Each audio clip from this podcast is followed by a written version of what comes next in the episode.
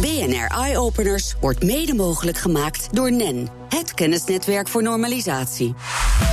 BNR Nieuwsradio. BNR Eye Openers. Als bij een eh, zwangerschap een open ruggetje wordt geconstateerd... kiezen de meeste mensen op dit moment voor het afbreken van zo'n zwangerschap. De kans is namelijk groot dat een kind geboren wordt... met beschadigde zenuwen, met alle gevolgen van dien. Een nieuw instrument moet daar verandering in aanbrengen. Wetenschappers ontwikkelen een techniek waarmee het ruggetje gedicht kan worden... in de baarmoeder met gebruik van 3D-printtechniek. Dick Oepkes van het eh, Leids Universitair Medisch Centrum. Welkom. Je bent een van de wetenschappers die werkt aan dit uh, project. Um, voordat we naar die techniek gaan, hè, die eigenlijk toch wel indrukwekkende uitvinding. Hoe vaak gebeurt het op dit moment dat er een open ruggetje wordt geconstateerd bij een zwangerschap? Uh, in zwangerschap komt een open ruggetje best vaak voor. We vinden dat ongeveer uh, 100, 150 keer per jaar komt neer op ongeveer 1 op 1000 tot 1 op 2000 zwangerschappen. Dus een van de meest voorkomende aandoeningen die we met de echo kunnen zien. Dat is eigenlijk ontzettend veel. Terwijl als ik hier zo rondvraag uh, op de redactie, dan denk ik, ja, dat is iets van vroeger. Een open ruggetje. Het komt bijna niet voor, denkt men. Maar het tegendeel is dus waar. Het komt uh, nog steeds voor. Het verschil is wel met vroeger dat we het steeds vaker vroeg in de zwangerschap al zien met de echo. En in Nederland uh, kiest zo ongeveer 70% van de ouders dan voor het stoppen van de zwangerschap. Ja. Er zijn wel minder levend geboren kinderen. Want, want wat is het gevaar van een open ruggetje precies? De, uh, de zenuwen in de rug, onder in de rug meestal, ja.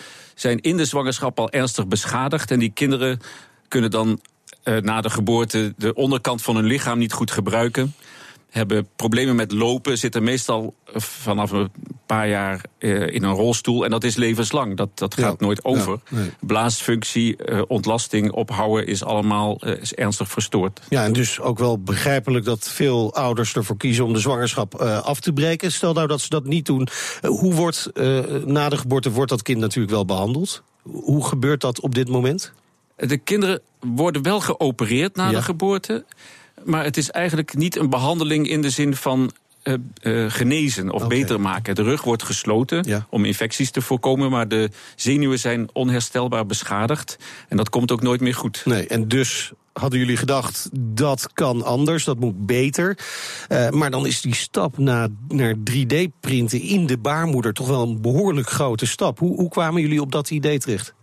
Het, het, idee om in de baarmoeder te opereren is uh, al in begin jaren negentig uh, in, in, Amerika uh, bedacht. Ook Want met dat het is idee... wel logisch, omdat je er zo vroeg bij moet zijn vanwege dat vruchtwater. Ja, dat vruchtwater irriteert in de tweede helft van de zwangerschap die zenuwen zodanig dat ze ernstig beschadigen. En het, het, beschermen van die zenuwen tegen dat vruchtwater, uh, dat idee bestaat al langer. Maar de methode waarbij dat de laatste paar jaar wel mogelijk is. Uh, is, is een hele uitgebreide operatie waarbij het kind uit de baarmoeder wordt gehaald. Wordt geopereerd, wordt teruggestopt in de baarmoeder. En dan uh, hopelijk duurt de zwangerschap nog een, nog een aantal weken voort. Maar is heel vaak worden die kinderen te vroeg geboren. Ja. De baarmoeder is ernstig beschadigd. Dus wij vonden dat geen goede. Het is eigenlijk een leven, levensgevaarlijke techniek die misschien meer risico met zich meebrengt. Je betaalt er een forse prijs ja. voor. De uitkomst voor de kinderen is wel wat beter, okay. ook niet optimaal.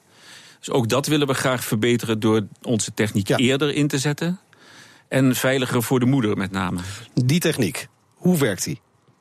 Wij uh, doen in Leiden al, al uh, meer dan 15 jaar ingrepen met een klein instrumentje in de baarmoeder, met een cameraatje. Dat is een paar millimeter groot. Een dergelijk instrument hebben we nu omgebouwd tot een 3D-printertje. Waarbij we in de baarmoeder kijken waar het defect zit. En dan door een klein buisje een kapje over het defect in de rug printen. Zodat het vruchtwater er niet meer bij kan. Eigenlijk ziel je het, het, het gat af. Ja. Het open ruggetje. Ja, precies. Oké, okay, maar uh, zo'n kind groeit natuurlijk in die baarmoeder. Gaat, groeit dat kapje dan ook mee? Ja, dat is een hele uh, belangrijk punt voor ons om op te lossen. Het, het moet waterdicht zijn, het moet goed aan de rug plakken en het moet meegroeien of meerekken. En, en dat moet ongeveer twee keer zo groot kunnen worden in de loop van de zwangerschap. Dus de eisen aan het materiaal en het, en het ontwikkelen van het juiste materiaal is een deel van ons project. Ja, en hoe, hoe ver zijn jullie daarmee? Dat zijn, Eh, zijn best bij- wel veel eisen namelijk. Ja, het, eh, het idee is van ongeveer een jaar geleden. Toen zijn we met een, een subsidie van STW eh, gestart. Ik denk dat we ongeveer op een kwart zijn. Dat we over een jaar of drie echt eh, aan de slag kunnen met En, iets. en, en Ja. wat voor materiaal is het? Want ik kan me voorstellen dat het niet zomaar een plastic kapje is, want dat, dat groeit niet mee. Nou, we experimenteren nu met eh, collageen. Dat is een lichaams-eigen materiaal... wat in het laboratorium veranderd kan worden... tot iets wat voor ons werkt. En dat, dat wordt dus niet afgestoten omdat het lichaams eigen is. Ja. Maar het heeft ook de kwaliteiten dat het mee kan groeien. Kan het is flexibel. meegroeien. Ja, precies. Hoe, hoe, hoe, hoe weet het dat het mee moet groeien? Dat, dat Ja, het- me dan ook wel weer. Eh, Het is belangrijk dat het water dicht is en Ja. aan de huid plakt. Ja. Maar het, het mag wel flexibel zijn. Dat is helemaal niet erg. Dus als een soort elastiek, zeg maar. Ja, het moet niet een, die manier. een keihard eh, materiaal zijn, maar het moet wat ook kunnen meebewegen. Het kind beweegt ook in de baarmoeder. Ja. Dus iets wat wel flexibel blijft, eh, maar op zijn plek blijft, dat is de uitdaging van onze ontwikkeling. En, en de operatie zelf, hè, is die eh, zonder risico? Dat is bijna nooit bij een baarmoeder. Nee, elke mij- operatie kun je heeft een vergelijken met risico. een vruchtwaterpunctie? Het is, het is denk ik ietsje meer risico dan een vruchtwaterpunctie. De naald die we nu ontwikkeld hebben is ongeveer 3 mm. Bij een vruchtwaterpunctie is dat 1. We gaan uit van een risico eh, tussen de 5 en 10 procent op gebroken vliezen. Dat wil nog niet meteen zeggen dat er dingen misgaan. En hopelijk nog minder als we het instrument nog iets kleiner kunnen maken. Ja, de, de, de, de, de, printvloeistof eigenlijk, hè, dat, is, dat is het, waar dat kapje mee gemaakt wordt. Die zijn jullie aan het ontwikkelen. Maar dat apparaat waarmee je de operatie uitvoert en waar je de stof inbrengt, hoe ver zijn jullie daarmee? Eh, Daar zijn we mee begonnen. Dat eh, eh, doet Lisette Tas van de TU Delft uit onze groep. En die heeft een prototype wat we overmorgen bij het STW-congres gaan demonstreren. En eh, wat vorige week ook bij de Kijk Magazine prijsuitreiking is, is getoond... toen we de prijs voor het beste tech-idee 2016 eh, hebben gewonnen. Dus dat, dat prototype eh, lijkt al echt ergens op. Ja, En zeker. doet, doet zo'n prijs nog iets voor de ontwikkeling van dat apparaat? Nou, wij hopen met meer bekendheid extra subsidies te genereren. Want ons onderzoek kost tijd en menskracht en daarmee geld. En eh, de subsidie van, van vorig jaar is ongeveer op. Dus wij Ja. zijn hard op zoek naar extra fondsen. Ja. En wellicht kan publiciteit eh, ons helpen. Ja, nou, nou weet iedereen die eh, kinderen heeft gekregen dat de echo rond de week 20 is, hè, dus tw- 20 Ja. weken echo. Nou kan ik me voorstellen dat je eigenlijk dit eerder wil weten dan die 20 weken. Ja, we denken rond de 20 weken behandelen een, een goed resultaat zou kunnen geven. Misschien nog ietsje eerder. 17, 18 weken betekent inderdaad dat we wellicht in de toekomst die 20 weken echo naar voren proberen te schuiven, zodat we eerder en tijdiger die, die behandeling kunnen Ja, doen. maar dat is niet per se een vereiste. U, u denkt met 20 weken, dat is ook al goed. Dat is een hele belangrijke moment, stap. belangrijke dat zou al, stap. al zeker eh, heel goed zijn. Ik vraag me wel af, op een gegeven moment, als je die techniek dan hebt en geperfectioneerd hebt, die is er, hij is beschikbaar, dan moet je wel patiënten vinden, uiteindelijk. Ja, het- dat. eh, Is dat een uitdaging? ik denk dat de, eh, de uitdaging meer is in het. eh, ja, niet al te optimistisch overkomen van ons. Dat we niet mensen beloven dat meteen alle problemen over zijn. Ik denk dat de mensen die te horen krijgen bij zo'n echo dat hun kind een open ruggetje heeft, dat die eh, graag eh, dit willen overwegen. Ja. Maar natuurlijk moeten we ze eerlijk voorlichten in het beginstadium dat het nog een experiment is. Nou, bovendien, eh, wat je zei, eigenlijk weet je pas of het effect heeft, gunstig effect, op het moment dat ze gaan lopen. Ja, dat kan je niet direct na de geboorte zien. Er zijn wel De testjes te doen Ja. hoor, met, Oké. met spier- en zenuwmetingen. Maar de echte bewijzen dat, dat het werkt, daar moet je hè, wat we lange termijn follow-up noemen voor doen. Hè. Die Ja. moet je op jaar of twee, drie, vier, vijf misschien die kinderen onderzoeken en kijken hoe goed die functioneren. Ja, dat betekent dus ook dat, ook al hebben jullie de techniek klaar, op een gegeven moment dat het nog jaren duurt voordat jullie zeker weten dat het effect positief is. ja, dat duurt een tijdje. Ja. Hoe lang? Ja, vanaf de eerste experimenten in eh, echte zwangeren eh, met, met een kind met dat probleem. Tot het moment dat je echt bewezen hebt dat het werkt, mag je inderdaad een jaar of vijf eh, voor rekenen. Ja. Ja. Nou is dit natuurlijk een prachtige techniek hè, als het werkt. En laten we hopen dat dat eh, goed gaat werken. En jullie eh, werken er met man en macht aan. Denk je dan ook al vast aan mogelijke andere aandoeningen die je met dit soort techniek zou kunnen verhelpen? Ja, dat is een, een, een essentieel onderdeel van, van uh, onze samenwerking met TU Delft en het Erasmus. Die Medical Delta groep die ontwikkelt instrumenten waar we vaak juist van kijken. werkt dit voor één ziekte, maar kan het ook voor allerlei andere toepassingen, ook in andere vakgebieden uh, van toepassing zijn. Dus we hebben daar zeker uh, hoop op dat we dat kunnen uitbreiden. En, en, dit idee is ook ontstaan door uh, andere technieken te combineren natuurlijk. Ja, de, de 3D-printing bestond al. En die instrumentjes in de baarmoeder bestond al. En het combineren ervan is eigenlijk onze uitvinding, ja. Goed, heel veel succes, Dick Oepkes van het LUMC. En bedankt voor de komst naar de studio. Dank u wel, graag gedaan. En straks windenergie, maar dan toch net even anders. Kite Power maakt namelijk gebruik van grote vliegers. Leuk. BNR Nieuwsradio. BNR Eye Openers. Het is herfst en dan denk je aan eh, de wind. En eh, bij windenergie denken we dan toch al snel aan de grote, logge windmolens.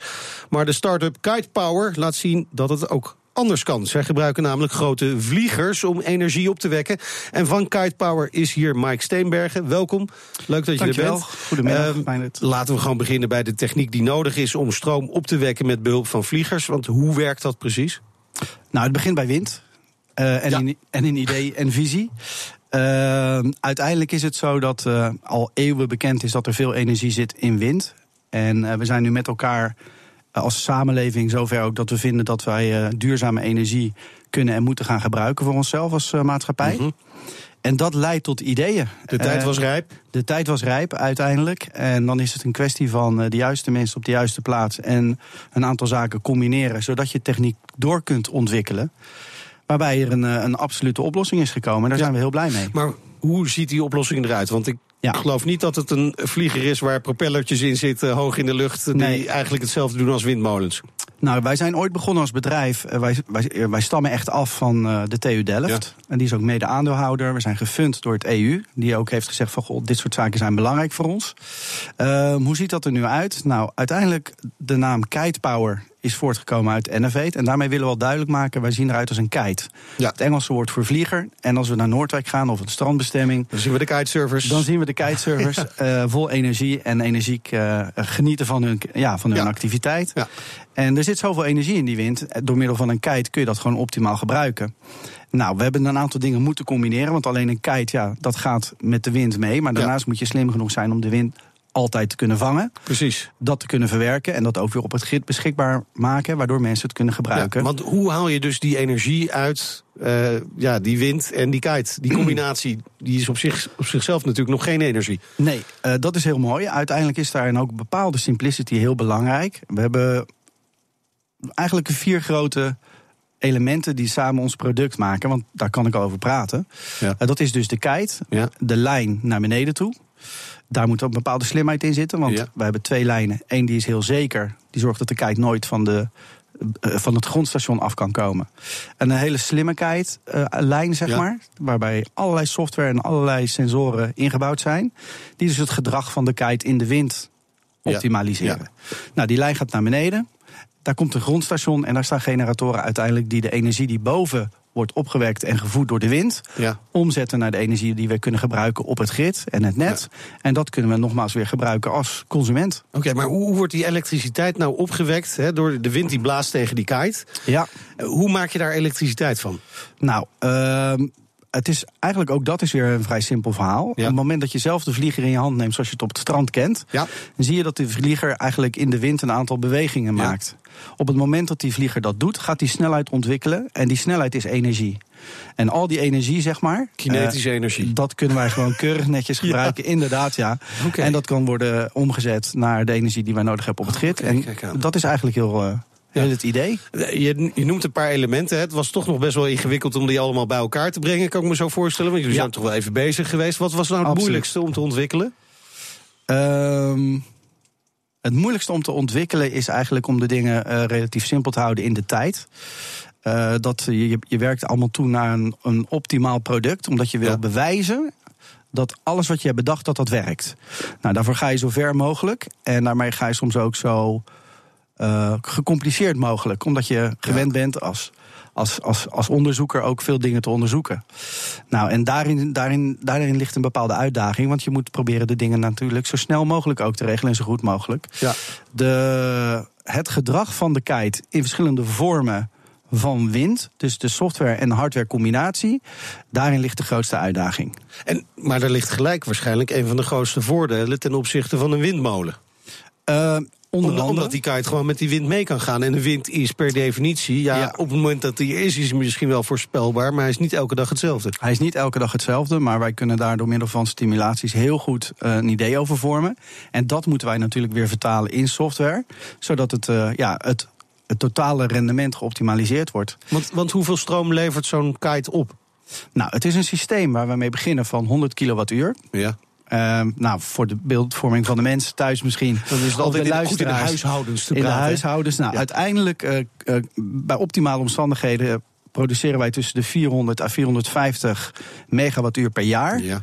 En een gemiddeld gezin gebruikt ehm, nou, 300 kilo, of 3000 kilowattuur. Dus dat betekent ongeveer tussen de 120 en 150 gezinnen kunnen zeg maar, van deze technologie op dit moment gebruik gaan maken. Dat is best behoorlijk. Daar zijn we ook heel blij mee. Ja, ja absoluut. En, ja, ja. En, en, eh, want we, vergelijken natuurlijk, en dat is wel logisch, met windmolens. Ja. Eh, we hebben één voordeel genoemd dat hij beter kan reageren op de wind. Ja. Eh, zijn er nog andere voordelen? Ja, het systeem is sowieso veel kleiner. Het ziet er anders uit, hè, want een kite is toch in de, in de lucht een ander gezicht dan een, een windmolen. Eh, het is qua investering veel lager. De opbrengst is ook wat lager, daar moet ik heel eerlijk in zijn. Eh, wel zijn wij efficiënter, maar de totale echte bruto of netto opbrengst van het product is wat lager.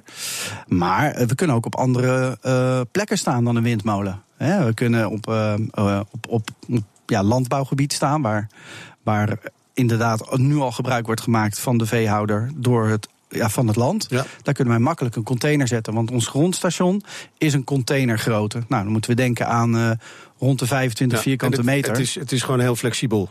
Het is flexibel. Hè? Het is eh, ook makkelijker op Dus te ik denk pakken ook, en aan, ik denk ook aan, aan evenementen bijvoorbeeld die elektriciteit willen. Die kunnen een paar van die dingen neerzetten en dan hebben ze elektriciteit. Dat zou zomaar kunnen, maar Ja, eh, Daar zijn we vast ook wel mee bezig. uiteindelijk, wij, wij hebben ook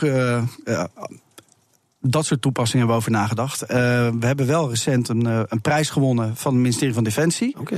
Dus daar Ah, ligt ook ja, een ja, ja, toepassing, ja, ja, ja. absoluut. Ja, dus daar zijn we ook heel blij mee en erkentelijk voor.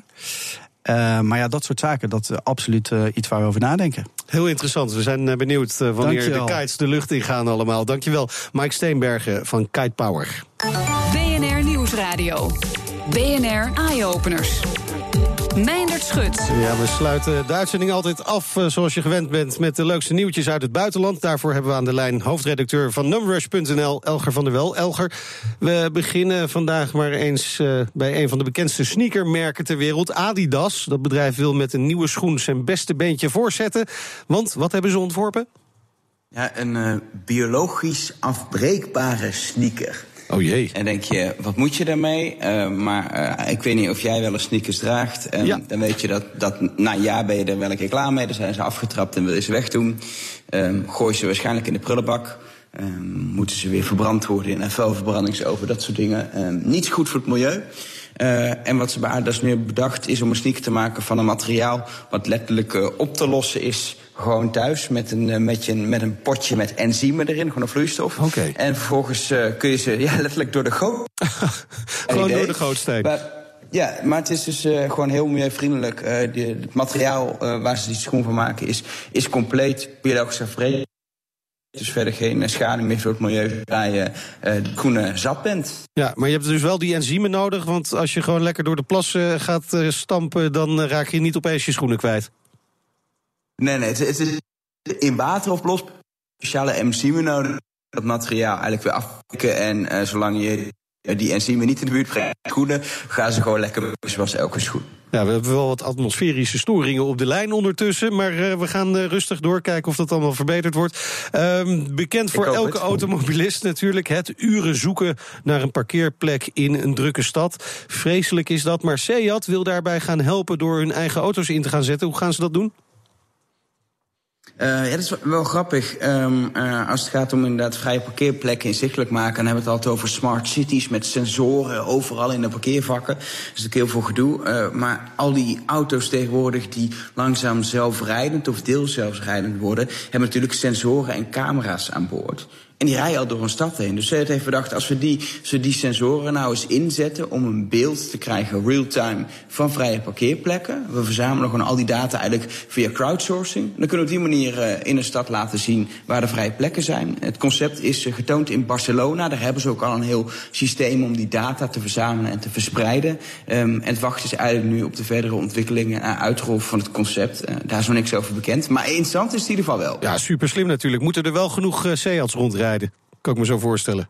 Ja, of ik hoop bij dat soort dingen altijd dat, dat, dat autofabrikanten een keer samen gaan werken. Daar zijn ze niet heel goed in, weet ik. Maar het zou mooi zijn als gewoon een paar fabrikanten zeggen... nou, we gaan allemaal hetzelfde systeem gebruiken om samen uh, dit, uh, dit mogelijk te maken. Nou, hoort Seat bij de Volkswagen groep, dus uh, die hebben heel veel merken. Dat komt dan ongetwijfeld wel goed. Hey, gaan we nog even naar China voor een primeurtje. Een camera die iets kan wat nog geen enkele andere camera kan.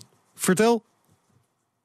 Nou ja, het, is, het is, eigenlijk geen camera, het is een oh. smartphone. Oh. Um, en uh, dat zijn tegenwoordig camera's. Ja. Um, uh, uh, dat is natuurlijk gewoon een camera in, zodat je kan filmen en foto's maken.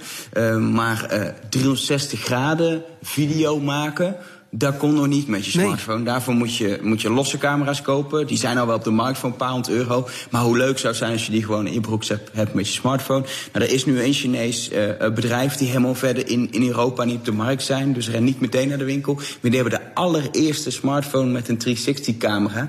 Het steekt een beetje uit, want het zijn twee ja, fish islands, een beetje van die bolle lenzen aan beide kanten van het toestel. Bovenaan neemt redelijk wat ruimte in beslag, dus het is niet per se het mooiste toestel wat je ooit hebt gezien. Maar als je hem hebt, wel altijd zo'n camera op zak. Het wachten is eigenlijk tot andere fabrikanten dit ook gaan maken. Dankjewel, Elger van der Wel, hoofdredacteur van Numerous.nl. Dat was hem voor nu. Op bnr.nl slash eyeopeners vind je nog veel meer innovaties met impact. En op Twitter vind je ons via BNR Innovatie. Heb je nou zelf iets leuks gezien of bedacht? Stuur dan een mail naar eyeopeners.bnr.nl. Je hoort ons in de toekomst. Blijf luisteren. Hierna juridische zaken met Ronald Olstorn. BNR Eye Openers wordt mede mogelijk gemaakt door NEN, het kennisnetwerk voor normalisatie.